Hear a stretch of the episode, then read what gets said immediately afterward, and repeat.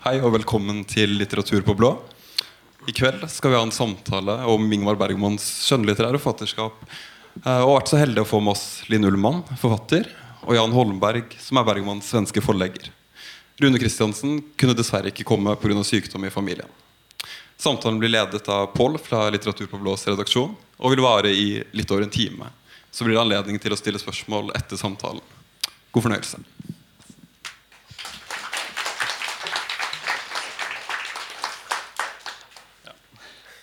For det første så vil jeg bare ønske hjertelig velkommen til Linn og Jan.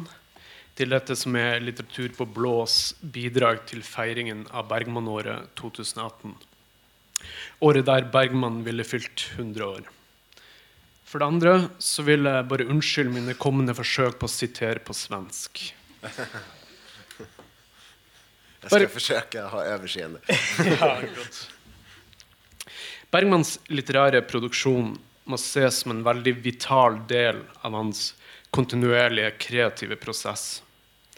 I essayet 'Varje film er min siste film' fra 1959 beskriver han hvordan en filmidé begynner med sitat 'vaga og obestämda fosterrørelser' og som en skarpt färgad tråd som stikker ut ur medvetandets mørka sekk.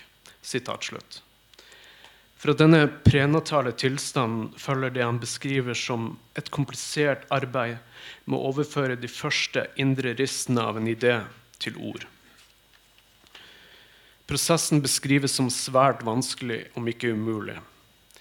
Likevel består Bergmans litterære produksjon av ca. 60 filmmanuskript, et dusintalls dramastykker, flere memoarer, minst tre romaner, närmare 60 arbetsböcker i tillägg till ett stort antal essay, artiklar, brev och dagböcker.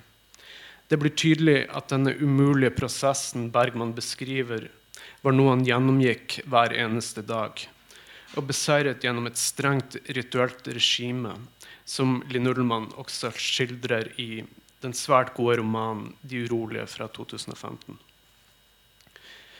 Når en leser de hjerteskjærende tre dagbøker, som er dagbøkene til Ingmar, hans kone Ingrid og deres datter Maria von Rosen, utgitt i 2004, som omhandler den tiden fra Ingrid blir diagnostisert med magekreft til hennes dødsdag sju måneder senere, ser en hvor nødvendig skriveakten var for Bergman.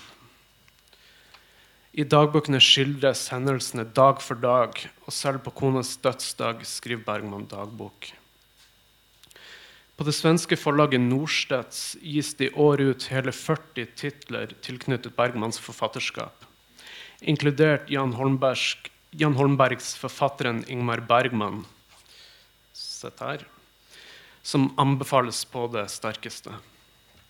Och också arbetsboken från 1955 till 1974, som är redigerad av Jan Holmberg. I Linn Ullmanns roman 'De oroliga är ett planlagt bokprojekt mellan mellom romanens far og datter i sentrum i fortellingen. Bergmans forfatterskap har tidligere vært underkjent i Bergman-forskningen. En forklaring på dette kan være Bergmans eget forhold til sitt forfatterskap. Han slutade aldri å insistere på at han ikke var litterær, og absolutt ikke forfatter. Han motstilte seg også beskrivelsen av filmene sine som litterær. Lignende usikkerheter framkommer i flere betydelige forfatteres dagbøker og memoarer. Det mest kjente eksempelet her er kanskje dagbøkene til Frans Kafka. Jeg liker spesielt godt når Bergman Hallo? Så länge. Jeg liker spesielt godt eh, skal jeg, si. jeg liker spesielt godt når Kafka skriver sitat Hvert eneste ord ser seg om i avsky etter å ha blitt nedskrevet av meg. Sitat slutt. Men i Bergmans romaner bryter forfatteren inn i selve romanfortellingen med sine usikkerheter. Et grep som nesten virker postmoderne. I Bergman A Reference Work postulerer Bergman-forskeren Birgitta Steen at et avslag Bergman fikk tidlig i sin karriere på at manus han selv hadde stor tro på, gjorde at han i skuffelse la bånd på sine litterære ambisjoner og følte seg utstøtt fra, litterære, fra det litterære miljøet. Bergman uttrykker i sine tekster og filmer ofte en sterk mistro til språkets iboende evne til å avdekke sannheten. Flere av hans filmer tematiserer dialektikken mellom tystnad og tale, der karakterene er fanget et sted mellom den metafysiske, evige stillheten og det ofte kroppslige, i hvert fall forgjengelige ordet. Karakterenes formuleringer er strukket ut over en avgrunn av følelser og erfaringer som ikke kommer til uttrykk. Men det som også slår en når en leser arbeidsboken, er Bergmans store språklede, og også humor, som når han først i 1.62 begynner året med å skrive sitat, 'Godt nyttår, din gamle idiot'. Sitat slutt. I hans biografiske romantrilogi fra 91 til 96 skildrer Nei, mer enn skildrer. Han prøver å gjenskape, om ikke virkeligheten, så en slags sannhet om hans mor og fars gryende forelskelse, ekteskap, ekteskapets kvaler og sin egen barndomsverden. I det jeg, i det jeg tolker som et forsøk på fullt ut forstå foreldrenes motivasjon og livsvalg. Kanskje i sammenheng med hans utsagn i memoaren 'Laterne Magica' om at citat. 'Jeg har i erindringen ofte gjort min far stor urett'. Sitat slutt. Barndommen og foreldrenes liv kan ses på som urmateriale Bergman hele tiden gjenvender til. Fra den tvilende presten Thomas i 'Nattverdsgjestene' til barndomsriket i Fanny Alexander. Og det får meg til å tenke at det kanskje er et slikt urmateriale som lå til grunn for din siste roman, Linn. Eh, og ser du på boken som beslekta med Bergmans bøker om sine foreldre? Oi. Tusen tack eh, för en otroligt fin eh, introduktion. Eh, den blev jag väldigt glad för att höra. Men jag ska pröva att svara på frågan. Alltså om jag ser på Jag, jag väntar ju väldigt tillbaka till min fars författarskap, särskilt. Egentlig nesten mer enn filmene, da jeg, eh, da jeg skrev 'Det urolige'. Han var en av mange forfattere som jeg jobbet med, men jeg jobbet jo også med han. Og nettopp med det som du snakker om, altså disse urhistoriene Um, og da var det særlig romantrilogien, som er um, eh, En Skillas samtale, 'Søndagsbarn' og 'Den gode viljan, som handler om, som du uh, påpekte, foreldrenes begynner med foreldrene, altså foreldrenes gryende forelskelse og forhold. Og 'Søndagsbarn' handler om en sykkeltur som unge Pu, som min far ble kalt da han var liten gutt, så ble han kalt Lille Pu, tok med sin far presten. Um, og enskilda samtale handler om en veldig sånn strengt tilknappet Altså strengt komponert, ikke tilknappet, strengt komponert roman om, om hans mor og ulike samtaler hun har. Veldig ulik den oppsetningen som har blitt gjort av Enskilda Samtal, Altså den romanen han skrev, var også veldig ulik eh, filmen. Eh, jeg tror at i alle de tre bøkene som det også har blitt gjort filmer og teateroppsetninger av, så er bøkene kanskje bedre og sterkere enn en filmene og oppsetningene. Eh, og i alle disse så jobber han jo med dette urmaterialet som jeg tror det er i Enskildas Nei, i Goda Viljan han sier at han, han prøver å røre ved sine foreldres ansikter, men de er bortvendte og alltid gåtefulle. Og det var jo på sett og vis det Da jeg leste det, så tenkte jeg men det er jo akkurat det jeg sitter og gjør nå. Og, og jeg har et bilde av faren min hvor han sitter bøyd over bilder av sine foreldre. Og, og, nå satt jeg bøyd over et bilde av faren min som satt bøyd over et bilde av sine foreldre. Og, og det at man um, og det er liksom litt det ehm, man vel holder på med ofte som forfatter, men også kanskje utenfor Altså, det, det driver man jo med selv om man ikke er forfatter også. Man, man skjønner seg jo aldri på altså foreldre, vi snak, altså foreldre er og blir fremmede. Og vi slutter vel aldri egentlig å lure på kanskje hvem de er. Og det rare er at man kanskje begynner, man lurer mer og mer jo eldre man blir selv. Um, ja. Var det et svar på Så det var et veldig godt svar. Mm. Eh, du Jan, skriver jo også litt om det, hvordan eh, Bergman i eh, denne romantrilogien skriver fortellingen gjennom bilder. Eh, kan du ikke si litt mer om, om det? Ja, jag vill bara börja med att instämma i Linns tack för din fina introduktion. Den var både intelligent och vacker. Det är inte så ofta det förenas. Eh, jag, eh, nej men, jag håller ju med Linn om att eh, romantrilogin, som det ska sägas, Ingmar Bergman hade aldrig gått med på den benämningen, att kalla dem för romaner. Och eh, eh, jag tror inte att det är så många förutom oss som kallar dem för en romantrilogi, men nu gör vi det. eh, men alltså, Den goda viljan, Söndagsbarn och Enskilda samtal. Att de sticker ju ut lite grann eftersom han skrev dem för utan, och, utan att själv ha några planer på att själv eh, iscensätta dem på något sätt. Och eh, det ger honom ju vissa möjligheter. Han behöver inte tänka på hur, hur fan ska man lösa den här eh, liksom, situationen eller någonting sånt om man ska göra film av det. Utan han kan bara skriva som det faller honom in. Och sen är det ju också så att han vid det här laget börjar bli ganska gammal. Vilket också sätter sina spår och inte nödvändigtvis är dåligt för en författare.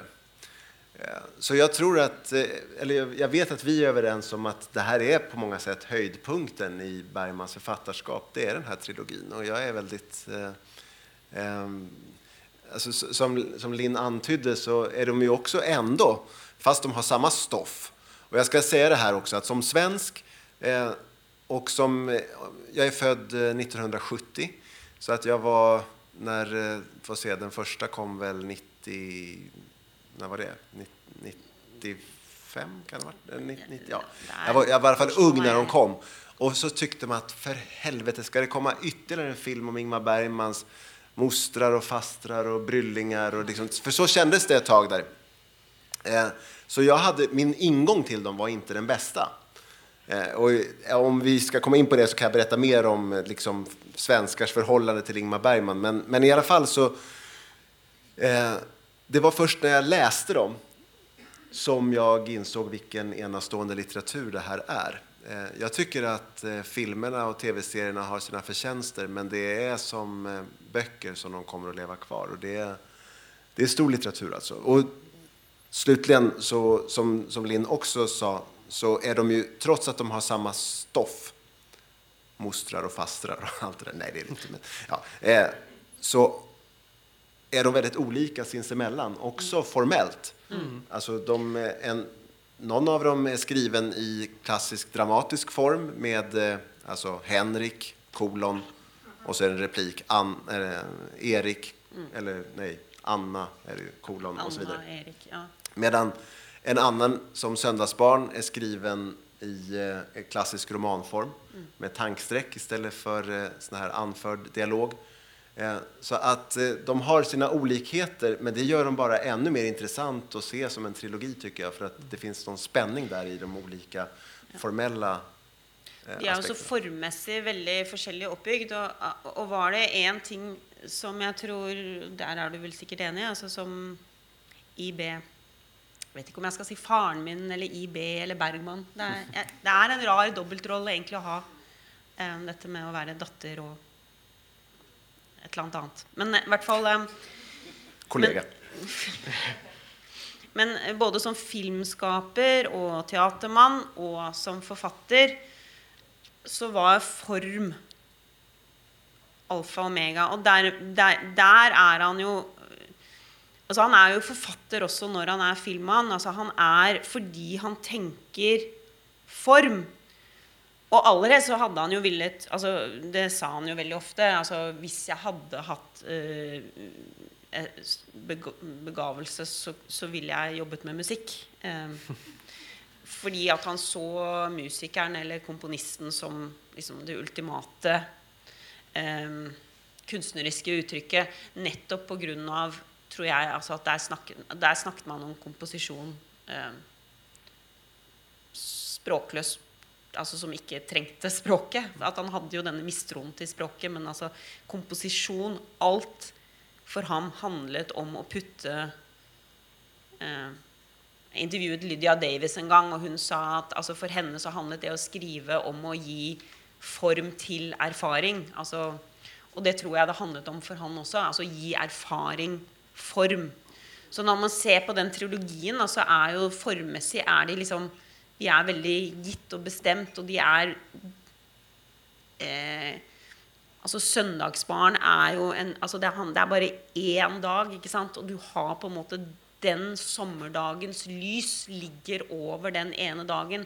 Det er veien liksom, til kirken omtrent. Altså, det er det det er mm. mellom far og sønn. Og det er én, ett lite utsnitt av en da mye altså, og, og, 'Den gode viljan är liksom en stor, mer sånn episk historia. Så det är liksom vinter, vår, sommar.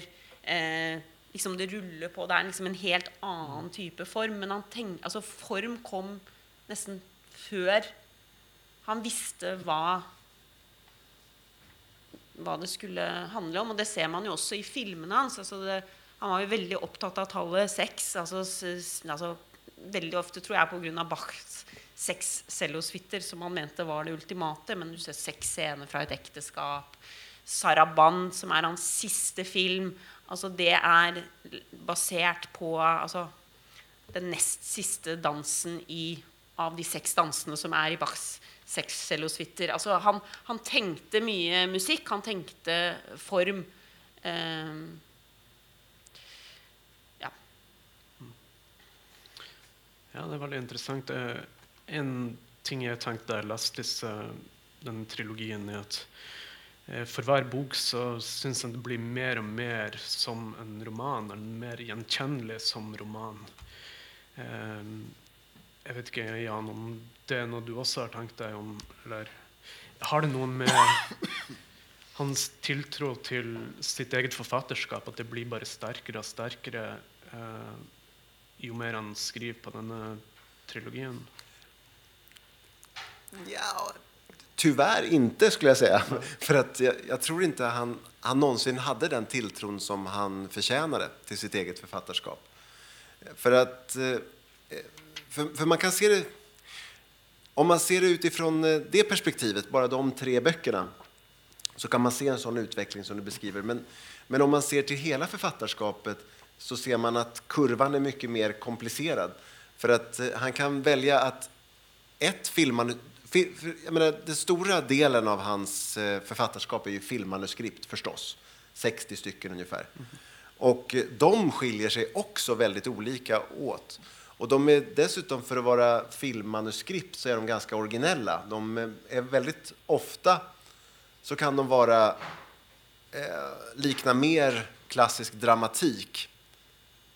Alltså mer likna en, eh, som att läsa en, eh, en pjäs av Ibsen än än, än ett filmmanuskript. Alltså det står inte så mycket om hur kameran rör sig eller, eh, eller vad som händer på ljudspåret eller så.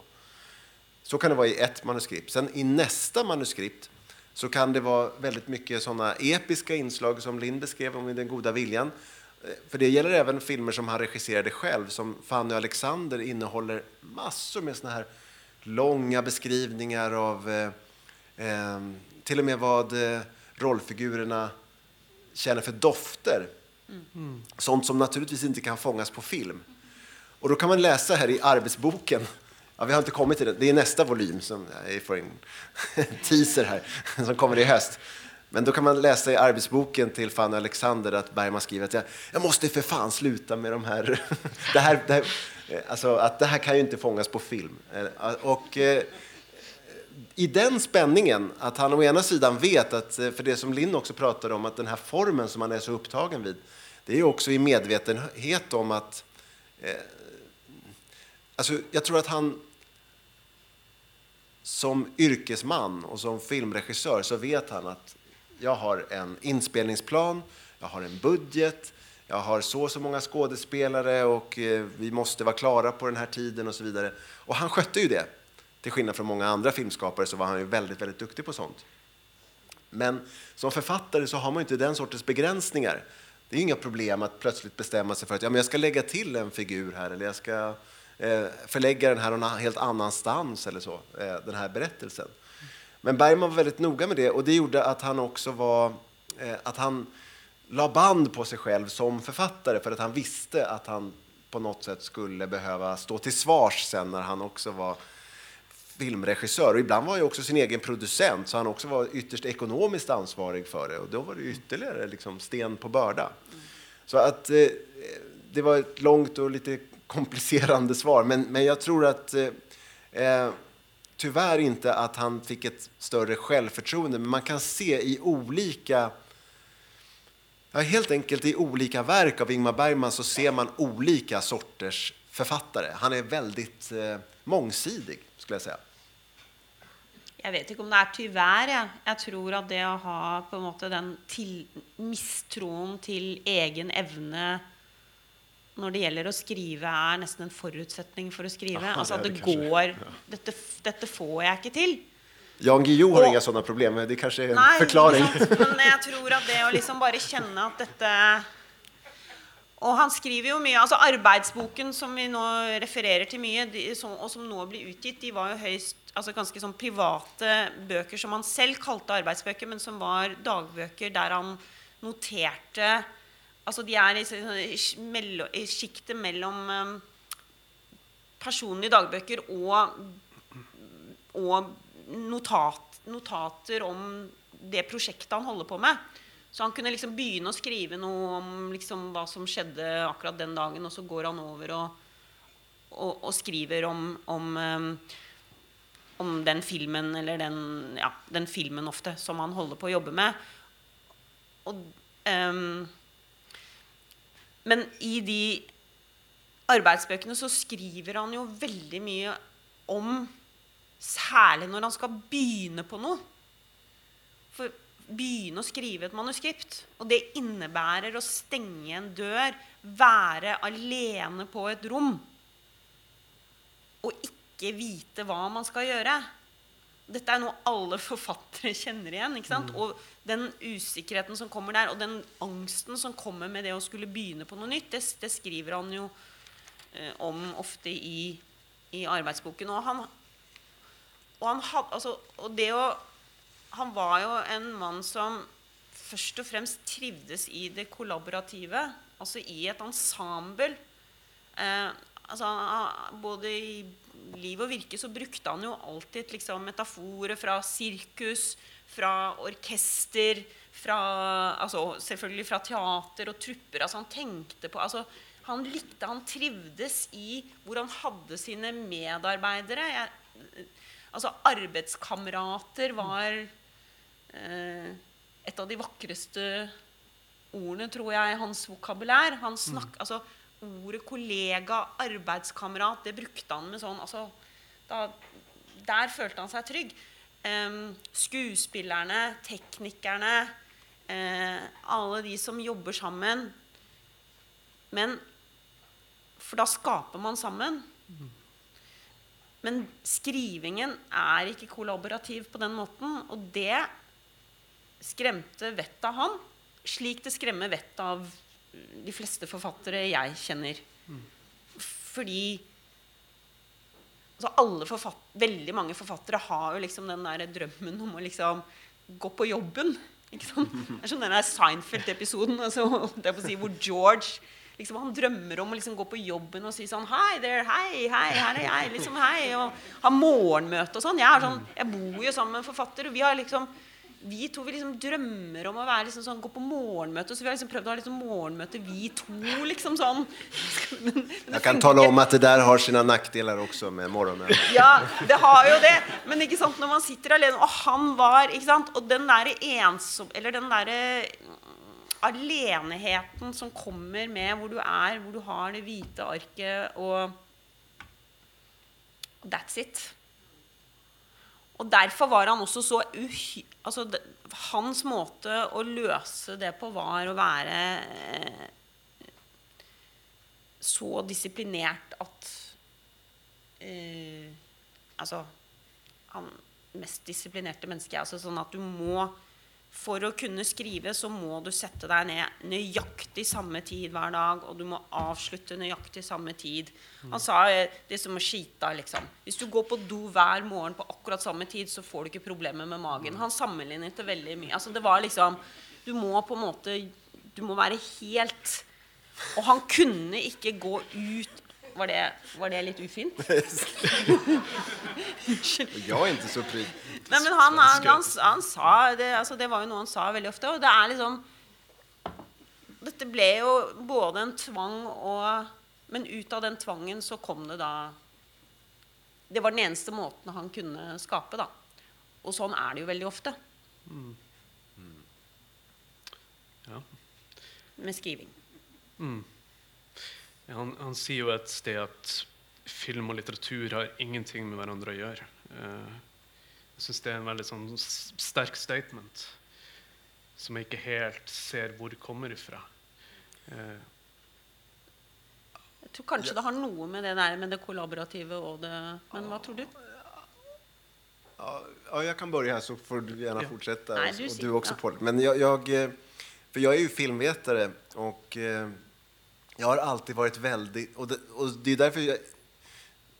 Även om jag tycker mig kunna eh, en del om Ingmar Bergman så skriver jag ju den här som amatör eftersom jag inte är litteraturvetare. Den här handlar ju om Bergmans författarskap. Men som filmvetare så har jag alltid haft den största sympati för just den sort, för, för det uttalandet.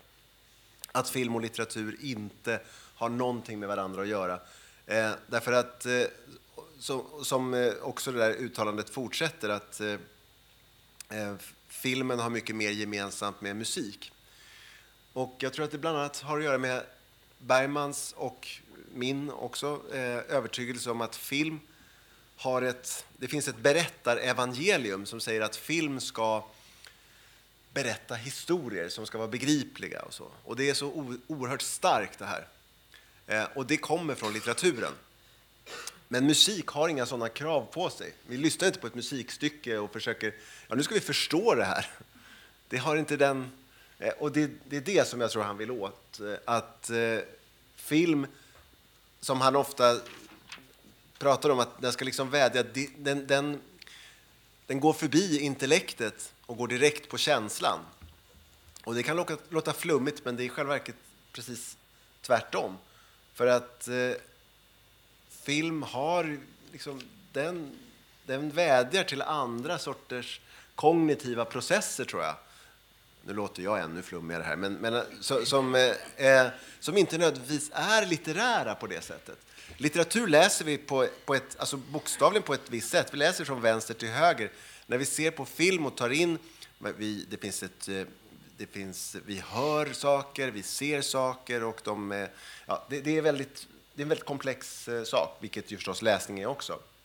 Och eh, det är på något sätt filmens förbannelse att den är så beroende av ett textmedium som är manuskriptet. Då. Det tror jag är det som Bergman eh, är, liksom kritiserar där. Och, att, och sen i, slutet, i, i, i förlängningen av det så finns det också en tradition att man, när man analyserar film, som filmkritiker ofta gör, så tittar man på filmen som om, det, som om man läste en bok. Och det har Bergman eh, råkat ut för väldigt ofta. Vilket är ett stort misstag, för att då missar man massa av de liksom estetiska effekterna som finns i en film. Ehm, och eh, det har ju att göra med att jag menar, det är ett medium som är hundra år medan eh, skriftmediet har ju en viss, visst försprång där. Så det är inte så konstigt, men det, jag tror att det är det någonstans som man vill åt. Og samtidig så, så vet jo Alle har jo sett filmer som er litterære. Altså som på en måte eh, Man skal jo sikkert være veldig forsiktig, og det tror jeg han var veldig klar over. Altså Altså, det verste han visste, var jo jåleri, liksom. Og det Altså, han, altså dialog har Men det har de for så vidt i romaner også. Altså, dialog, Det er visse regler med dialog. Altså, dialoger skal jo aldri være litterære. Det skal aldri være ikke sant? De skal ikke være når, når, de blir litterære, når man leser en bok hvor, eller ser en film hvor dialogen er liksom veldig skrevet Det er jo ikke sånn folk snakker, så, så, så man blir jo bare veldig irritert på det. Jeg tror at noe, Det er noe av det han mener også. Eh, det som, altså Olof Lagerkrantz, som for så vidt ikke var noen fan av Bergman, men Olof Lagerkrantz snakker jo om at altså, når man skri, han skriver, I den der vidunderlig vakre boken til Olof Lagerkrantz 'Konsten at lese og skrive', så sier han at jeg blir alltid veldig bekymret hvis noen komplimenterer meg for mitt vakre språk. Fordi at heller ikke i litteraturen så skal man jo Man skal jo ikke snakke om et vakkert språk. Altså, det er jo ikke eh, det, Eller et litterært språk. Altså, da er det jo Da er det jo ofte da på grensen, tror jeg, både da Olof Lagerkrantz og IB ville ment og for så vidt jeg er enig. Altså, da blir det jo eh, Da kanskje man snakker om noe som, som handler mer om jåleri, liksom. Altså ja. Eh, ja. Du så på meg med litt sånn Nei, jeg, jeg syns det hørtes uh, fint ut. Er du med? Er du enig? Nei, jeg er helt enig med deg. Uh, ja, men altså, ja, altså, Det er noe med, med, dialog Det er sånn veldig ofte når man ser unge eller forfattere som er uerfarne, skriver i dialog, så er det ofte sånn at Man bruker dialog f.eks. til å fortelle gi leseren masse informasjon. Da. Det er kanskje enda tydeligere på film, men det er ganske tydelig i bøker også. Så man sier sånn Hei, du søster Johanna, kan du gå opp i det røde huset der hvor du og jeg ble mishandlet som barn, og hente den kaffekannen? Ikke sant? Eh, det kanskje høres litt sånn fint ut hvis man sitter på natten og skriver, men det funker ikke. Nei. Og det er å være litterær på feil måte. Det er liksom når du tar på deg alpeluen og liksom skal skrive vakkert. Så jeg er veldig enig med Olof Lagerkrantz. Så jeg tror det er, det er jo underlig. Altså jeg, og jeg tror at i, eh, faren min han, han, tok seg jo veldig nær av Olof Lagerkrantzes kontinuerlige kritikk av ham. Altså, det var jo liksom noe av det Han husker altså, han glemte jo veldig mye på slutten av livet. Altså, da han var sånn 89 år. og han han var kanskje ikke så sikker på hvem jeg var da vi satt og snakket. Og han, visste, han kunne i hvert fall ikke helt sånn forskjell på alle konene og sånn. Eh, alle mammaene og til alle barna. Men, men, det han kunne sitere, det var liksom dårlige resensjoner. Altså dårlige kritikker fra f.eks. Olaf Lagerkrantz. Fra liksom 40-50 år tilbake. Det kunne han. Så jeg tror han tok seg veldig nær av det, for jeg tror at han også egentlig nok så opp til Olof Lagercrantz. Mm. Men då ska ni veta det, förlåt att jag, ja, att jag faller i talet med bara för att ni kanske inte alla har Olof Lagercrantz helt klart för er. Men, jo, men, Olof jo, jag vet att ni vet det, men, men ni vet inte nödvändigtvis vad han, hur han recenserade Ingmar Bergman. Ja, han skrev bland annat i en recension av Smultron, eller eh, Sommarnattens leende. Eh, han avslutade recensionen med att jag skäms över att ha sett den. Mm. En sånn recension tror jeg ingen någonsin skulle glemme. Nei, men jeg tror nettopp at det også kom fra han. Ja, ja, ja, ja visst. Tror jeg at det gjorde ekstra vondt. Og så kan man jo Ja, det tror jeg ja, Han var jo den, liksom, den store i svensk kritiker. Ja, ja, og skriver om litteratur også på måter som jeg tror er veldig samstemmig egentlig med IB. Mm. Mm. Ja, eh, du eh, eh nämnde eh, i introduktion eh, det Birgitta Steen hade skrivit om hans eh, tidiga avslag som han hade fått från Norstedts förlag på ett manuskript han hade veldig tro på. och du har gjort lite research på akkurat den kritiken han skulle ha fått i sina tidigare år, och funnit ut att det kanske inte stämde helt. Ja, eller inte stämde, ska jag säga. Inte kanske. Okay. Kan du säga lite ja, ja, ja, men visst gärna. Jag, nej, men för att och i linje med det som Linn just sa, att eh, och det gäller väl, det är väl förstås inte bara Ingmar Bergman, utan de flesta av oss har mycket lättare att eh, komma ihåg oförrätter och dålig kritik än vi har att minnas eh, alla de gånger som det har gått bra för oss på ena eller andra sättet. Och för Ingmar Bergman var det... Han hatet ju kritiker. Ja, ja. Han, holdt ju på, han sa ju till mig när jag blev kritiker i Dagbladet för väldigt många år sedan att han ville det var to ganger han ville skrive meg ut av testamentet. Og det ene var da jeg ble kritiker i Dagbladet. Han var forbanna for at jeg ble litteraturkritiker. Han mente. Og den andre gangen var da jeg eh, erklærte meg som republikaner, altså ikke tilhenger av kongehuset. For han var en kjempetilhenger av kongehuset. Han elsket dronning Silvia. Unnskyld. Eh, nå kan du gå ja.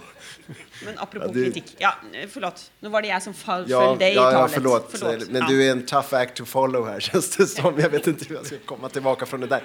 Men i alla fall så, jo, han, han var ju... Eh, eh, alltså det, det är väldigt lätt att väldigt mycket av Bergman-litteraturen, och det har ju skrivits oerhört mycket om Bergman, har utgått från Ingmar Bergmans egna påståenden. Och det är det första misstaget man gör. Och det, det, får man helt enkelt sluta med, för att det går inte att lita på Bergman. Han är, väl, han är lögnaktig, kort sagt. Och, eh, eh I synnerhet när han talar om sig själv och om sitt eget liv. Och, eh, när han då säger sådana saker som att ja, men, eh, jag eh, jag fick hela tiden höra att jag var en usel författare och jag blev eh, bara refuserad överallt. Och, eh, eh, ibland så tyckte man att jag var en hygglig regissör men jag var en, en dålig författare och sådär. Så räcker det med att titta på recensioner från den här tiden för att konstatera att eh, så var det ju inte. Eh, det var inte så att han inte... Han fick visst en del dåliga recensioner men han fick ju fler bra. Och de som gillade honom, de älskade honom. Och eh, sen så var det några som verkligen avskydde honom. Olof Lagercrantz var den som var värst, så att säga, eller som verkligen inte gillade honom. Men annars, de var, de var betydligt färre. Och eh, det, man behöver inte göra så jättestor sak av det där, även om jag kanske gör det. Men jag tror att det är ändå mer komplicerat än så, för att det är inte bara frågan om att han eh, ja, glömmer bort det som är bra och minns det som var dåligt, utan också att han... Man kan också läsa det i arbetsboken för övrigt. Att, eh, eh det är en jättefin passage ifrån eh, eh 1957 när Det sjunde inseglet har haft premiär. Då ska ni veta att det är den första Bergman-filmen som får sån här fantastisk kritik i Sverige. Den får verkligen otroligt bra kritik. Så skriver är det några recensenter på de stora svenska dagstidningarna som skriver att nu har vi en ny August Strindberg. Och då är det någon som säger att nej men nu tar ni väl ändå i grabbar. Ungefär att Strindberg är han ju inte. Eh, och, och då skriver Bergman i, i dagboken, eller i arbetsboken att eh, nu är de på mig igen. och det, jag menar, det, det, går liksom, jag, menar, jag skojar om det här nu, men det, är, men det är djupt känt för honom också. Det är så han upplever det här. Han upplever det som att han, eh, han, eh, han kan inte se berömmet, men han kan verkligen se kritiken. Och till och med när kritiken kommer på det här sättet, alltså att den är en sorts försök att försöka hitta lite, ja, vad ska vi säga, rim och reson, eh, så, så tar han väldigt illa vid sig. Eh, ja, jeg tenkte han, han, skriver jo veldig mye om Strindberg. Eh, også at han har en slags angst for det jeg skriver nå, er det bare noe jeg har tatt fra Strindberg? Er det bare et oppkok på Strindberg? Eh, jeg er litt interessert i akkurat denne forbindelsen som han har til Strindberg. Eh, hva bunner den i, og er det andre litterære helter han satt veldig høyt? Eller var Strindberg den absolut största? Vill du börja? Du kan säkert si mer om dette, Jan, men jeg, altså, Strindberg var jo en av, altså, største, største, en av de største for han. Det er klart at altså, eh, og da får man hele Selvfølgelig, når noen er så store altså Det er jo det der anxiety of influence som liksom Bloom skrev om, alltså også er det er jeg bare Men også det fins også en motsetning til anxiety of influence. Altså, eller at å, er alt jeg gjør, bare en opp... Det er jo også en sånn Liksom ha det, denne gud, litterære guden som er Strindberg, og liksom hele tiden strekke seg hele tiden. At hver gang tror jeg han leste eller jobbet med Strindberg, så åpnet det seg nye dører.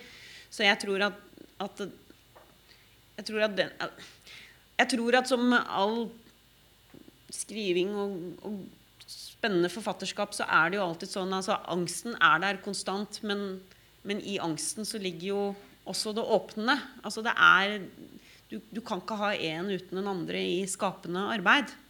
Særlig ikke i ensomt skapende arbeid. Så jeg tror Strindberg var en sånn dobbel I lå den dobbeltheten. Men han, hadde jo, han leste jo veldig Han var jo han skrev veldig mye. altså Han skrev hele tiden, og han skrev for hånd. Eh, men han leste også veldig mye. Altså Veldig mye av hans liv handlet om å lese. Og eh, det var jo andre store, store helter. Altså Hjalmar Bergman. Eh, Selma Lagerlöf var han veldig opptatt av. Men jeg mener, han, han läste masse. Han läste masse nytt. Han, le, altså, han var en, en stor och intresserad läsare som hela tiden altså En måte som jag husker att... altså En periode hvor jag var mycket yngre, och jag var ju på Fårö hver sommer og, Men da var jag kanske så ung att jag liksom ikke helt Vi hade inte så mycket att snakke om, da, kanskje, følte han. eller følte jeg, altså vi, det var veldig sånn, så, Men en måte jag liksom kunne snakke med han noen år, eller følte at jeg hadde samtale, var jo at jeg gikk og for Han hadde et stort bibliotek og lånte, eller leste bøker som han hadde lest. Og han, han skrev jo også veldig i bøkene og i margen og understreket og sånn, så jeg kunne liksom sitte og lese og se hva han hadde skrevet i bøker som han hadde lest. Så kunne vi liksom snakke på den måten, da. Så han, han engasjerte Altså, han, han leste fysisk. Altså noterte og Ja. Mm. Men du kan sikkert si mye mer Ja, nej, det vet jag inte om jag kan för att jag, jag, är, jag är verkligen ingen Strindberg-expert. Det finns ju gott om sådana.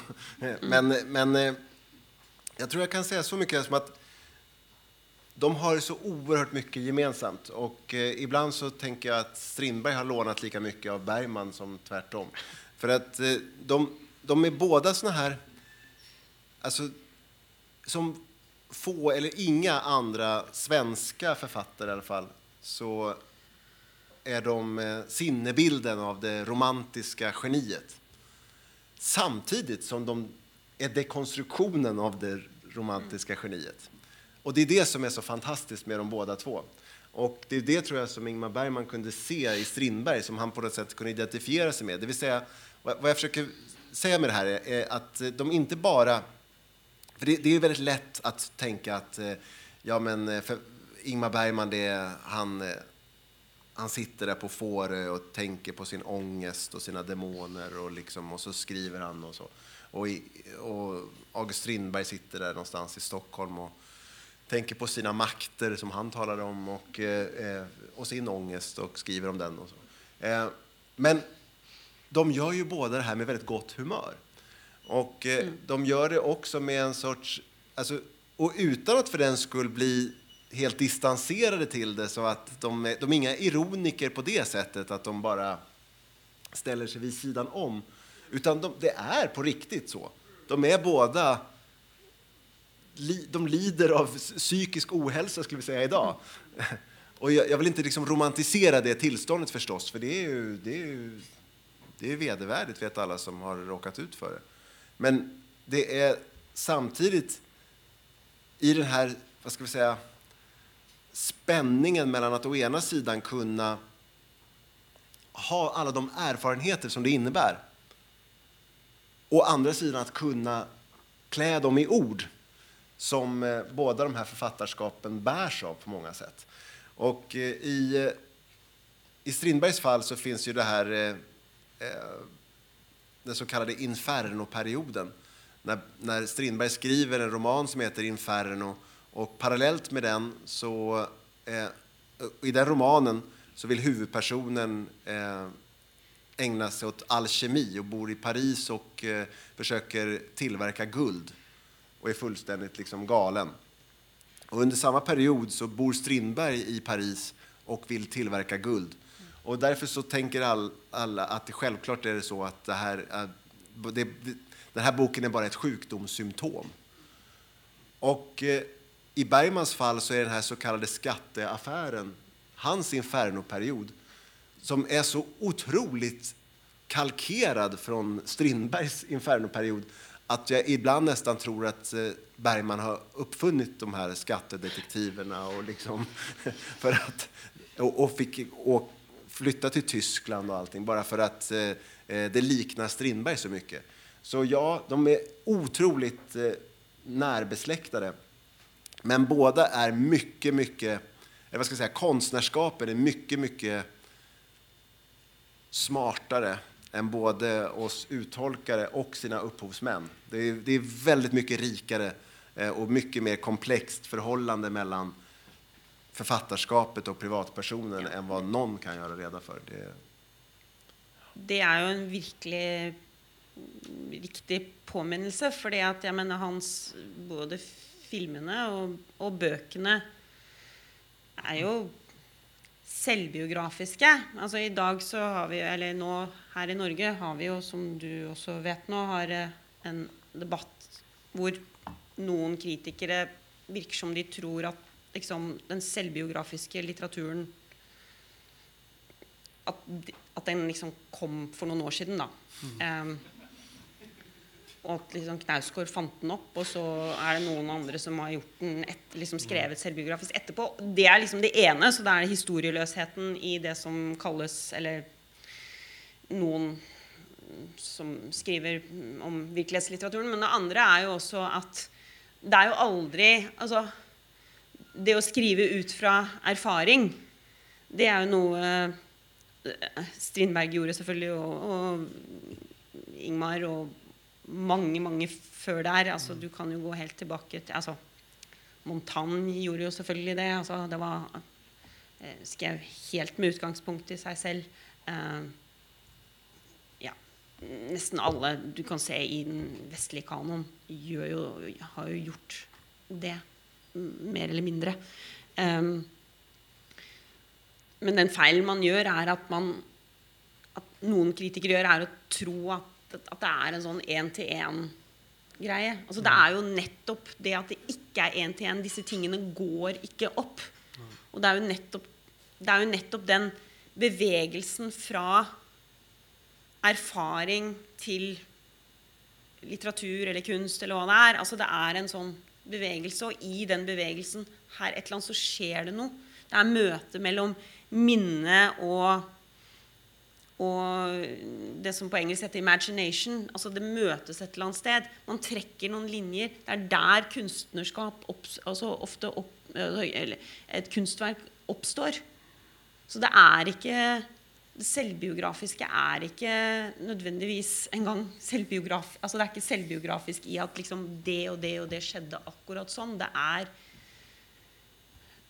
Det er det at man bruker Altså det er klart at når faren min skrev 'Den gode av viljan' om sine foreldre Veldig mye handler jo om tiden før han ble født. Så dette er jo ikke noe han vet. Han har jo måttet forestille seg disse tingene. Og det er jo det en, en forfatter eller en filmskaper gjør, da. Men det går så tapt. Mm. Altså akkurat dette veldig enkle Um, som gjelder all kunst, enten det er en countrysang eller en film eller en, uh, en roman, mm. så er det jo den menneskelige erfaringen som ligger til bunns. Og vi kan ikke liksom si at den skal ikke finnes fordi Ja. Ja. Eh, som noen har hatt en tendens til å gjøre da i, i virkelighetsdebatten. Altså, man, skal, man skal liksom begynne med man ska liksom ta bort erfaring. Ja, jag kom bara, förlåt, jag kom bara att tänka på en sak, för du nämnde ju Kafka tidigare Paul och mm. Eh, jag har för mig, du får rätta mig om jag har fel, eh, att att Kafka någon gång har sagt att eh, ett av hans livs lyckligaste ögonblick, och de kanske inte var så många i hans fall, jag vet inte, men, men eh, så det hade varit när han hade kommit fram till att han kunde skriva jag utan att mena det. Mm. Mm. Och det är på något sätt liksom författarens insikt, tycker jag, att det är då man blir författare. Mm. Och sen, behöver man, sen kan man fortsätta skriva i tredje person om man vill, men det finns liksom den där... Eh, och den insikten är ju banal på sätt och vis, men uppenbarligen inte, har den inte gått in hos alla. ja, hvor, hvor går det skillet mellan sannhet och fiktion i Bergman sine verk? Det är ju någon som säger att allt han har gjort, är ett stort självbiografiskt projekt. Och så sier han selv et sted at 'jeg har aldri hittat på noe'. Eh, men du påpeker jo at selv i hans memoar 'Laterna Magica' ja, finner på mye. Eh, dikta, får ting til å passe sammen. Eh, hvor, hvor går det skillet?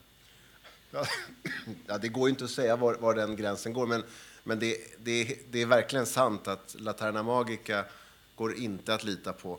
Eh, den första meningen är en lögn och den sista meningen är en lögn och så är det väldigt mycket lögner däremellan.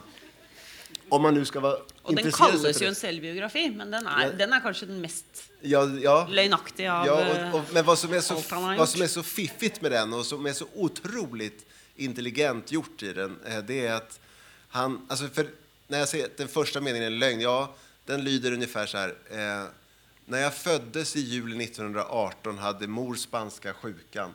Eh, själv var jag i dåligt skick och fick nöddöpas på sjukhuset. Eh, Okej, okay, hon hade inte spanska sjukan. Eh, hon hade en influensa. Eh, ungefär som den jag har sviten av nu. Värre än så var det inte. Eh, han fick inte nöddöpas. Det finns, och jag kan tala om, jag har letat, det finns inga liksom, såna här sjukhusjournaler, det finns inga dagboksanteckningar, det finns ingenting som stöder något sånt. Eh, och eh, sen så går han vidare och säger att han, de fick ta in, eftersom mamman var så, hon var ju i princip döende, så fick de ta in en amma som fick eh, eh liksom amma honom för att han skulle ja. överleva överhuvudtaget. Och som en, eh, eh, det, det, var som någon sa, att Bergman han blev refuserad redan vid födseln. Och det har ju att göra med just den här självförståelsen som jag beskrev tidigare. Eh, men, men det är ju en fantastisk inledning till en bok förstås. Eh, och eh, som också är lite sådär, den har i sin tur förstås en massa litterära referenser. Eh, en annan svensk författare som väl kanske inte så många minns idag, verkligen inte i Sverige och kanske inte ens i Norge, eh, Verner von Heidenstam, hans romaner, hans självbiografi inleds med hans, eh, också med hans födelse nämligen. Som om de skulle komma ihåg den. Det är det jag försöker säga. Att det finns hela tiden den här, de osäkrar hela tiden vår förståelse. Å ena sidan så säger man med självbiograf, självbiografens fulla auktoritet att så här var det. För jag vet ju, jag var ju där.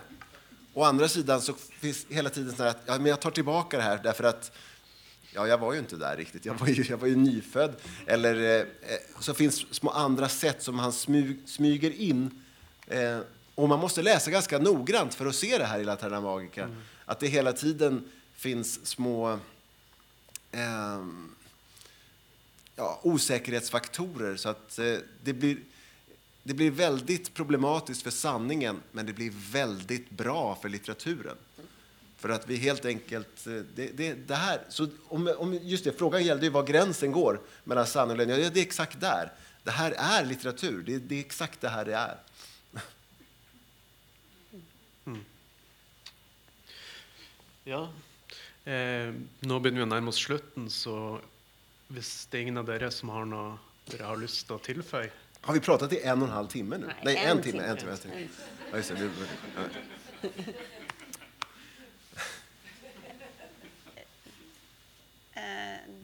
Ja, nei, nei, nei, jeg har ikke noe egentlig å tilfelle. Jeg syns det var fint. Nei. Det, mm. Har du noe å tilføye? Nei, ikke noe annet egentlig at vi kan åpne opp for spørsmål. Hvis noen har noen. Det ser jeg ikke så godt her, men Det er sånn.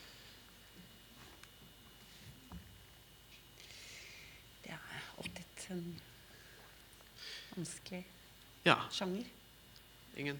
Ja, det är svårt. Så. Det er en svår sjanger. Ja. Ja, men da tar vi i kveld. Nei. Ja, vent litt, da var det et Jeg har ikke lest Tusen takk for en fantastisk samtale, først og fremst. Um, hvor skal man begynne hvis man har lyst til å begynne å lese Bergman? Linn, kanskje du kan? Hvor ska man börja? Ja, eller var ska man Ehm, alltså jag ville Jag ville lest 'Den goda Viljan', som är denna ep... alltså, som jag tänker är ett fantastiskt... Alltså, Som är som en roman. Alltså det, alltså den är en episk roman om en, kjærlighetshis- en kärlekshistoria. Alltså, det handlar om föräldrarna hans och, og liksom gryne og kjærlighetshistorie og frem til de gifter seg. Og den slutter vel omtrent der de får, en, altså, får Ingmar. Eh, jeg syns den er veldig Ja, kanskje begynne med den hvis man skal lese. Hva ville du si?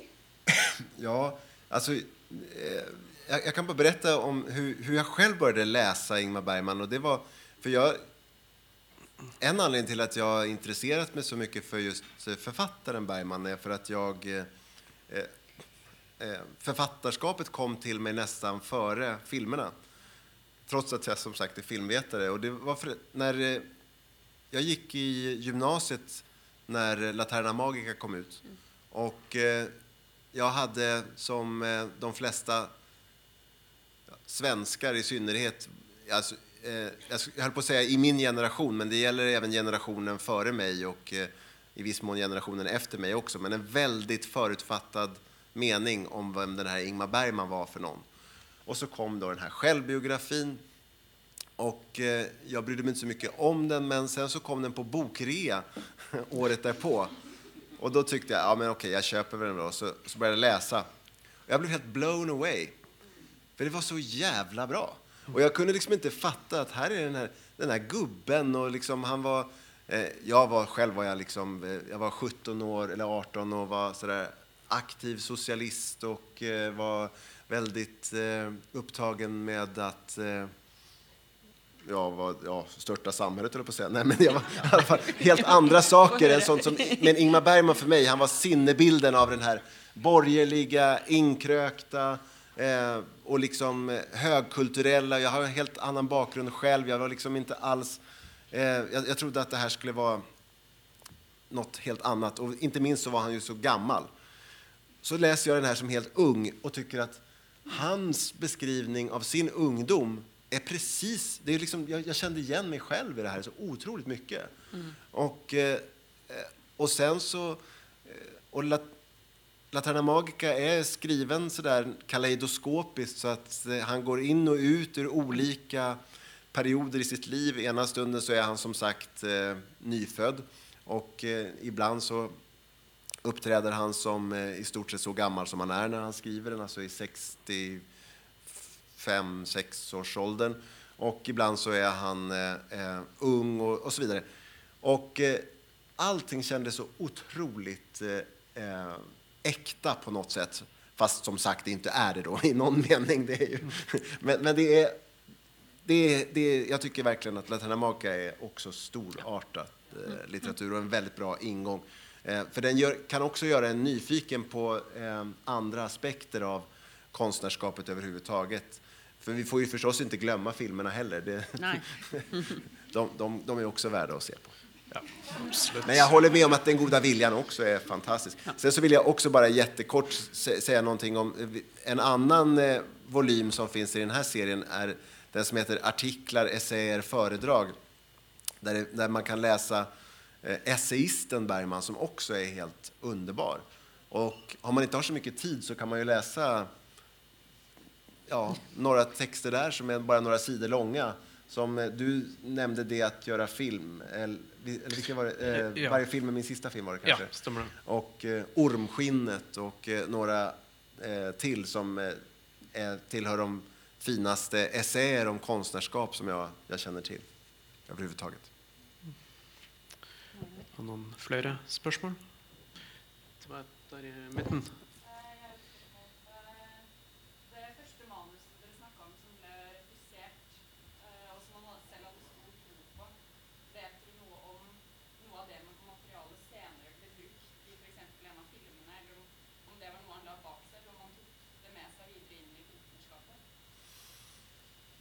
det var ju du som nämnde det som Birgitta Stene, sa, eller hur? Ja. Eh, För, för att eh, jag är inte så säker på att det verkligen var så.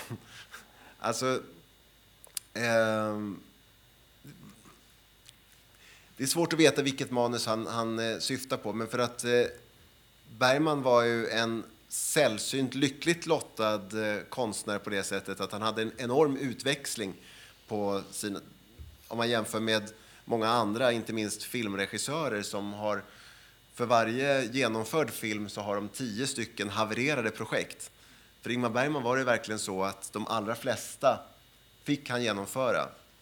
Och så var det något enstaka som inte blev av. Och väldigt många av dem finns ju kvar och eh, som vi eh, bevarar i Ingmar Bergmans arkiv. Och jag ska säga det också bara apropå, så för liksom full disclosure för att eh, eh, jag blev presenterad som att jag är Bergmans förläggare. Det är jag ju inte utan jag är VD för stiftelsen Ingmar Bergman som förvaltar Bergmans arkiv. Så att, så att vi har gjort det klart. och, eh, och där har vi ju mycket av hans eh, tidiga manuskript också.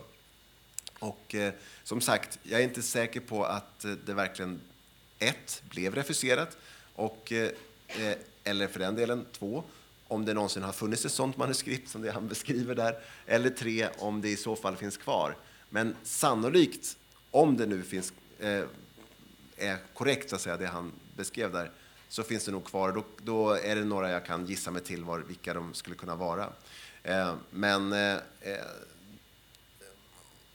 jag inser att det här blir ett väldigt långt svar på en, på en vad som var en oskyldigt enkel fråga. Men, eh, men det, det blir komplicerat därför att Bergman han, han är ju också så fantastiskt duktig på att eh, eh, recycla sina eh, arbeten. Så att eh, när någonting inte blir av i ett sammanhang, då kan det liksom ympas eh, och eh, bli någonting annat istället. Så att ibland är det lite svårt att veta var eh, en sak slutar och en annan sak tar vid. Men ja, det var svårt att ge något rätt. Ja, okej. det var ett bra svar. Ja. Då säger vi så. Tack. Er det flere? Er det flere spørsmål? Kan ta et til hvis noen har det. Nei, da sier jeg tusen takk til Linn Ullmann og Tack Jan så mycket. Holmberg. Tack. Tusen takk til deg. Tack.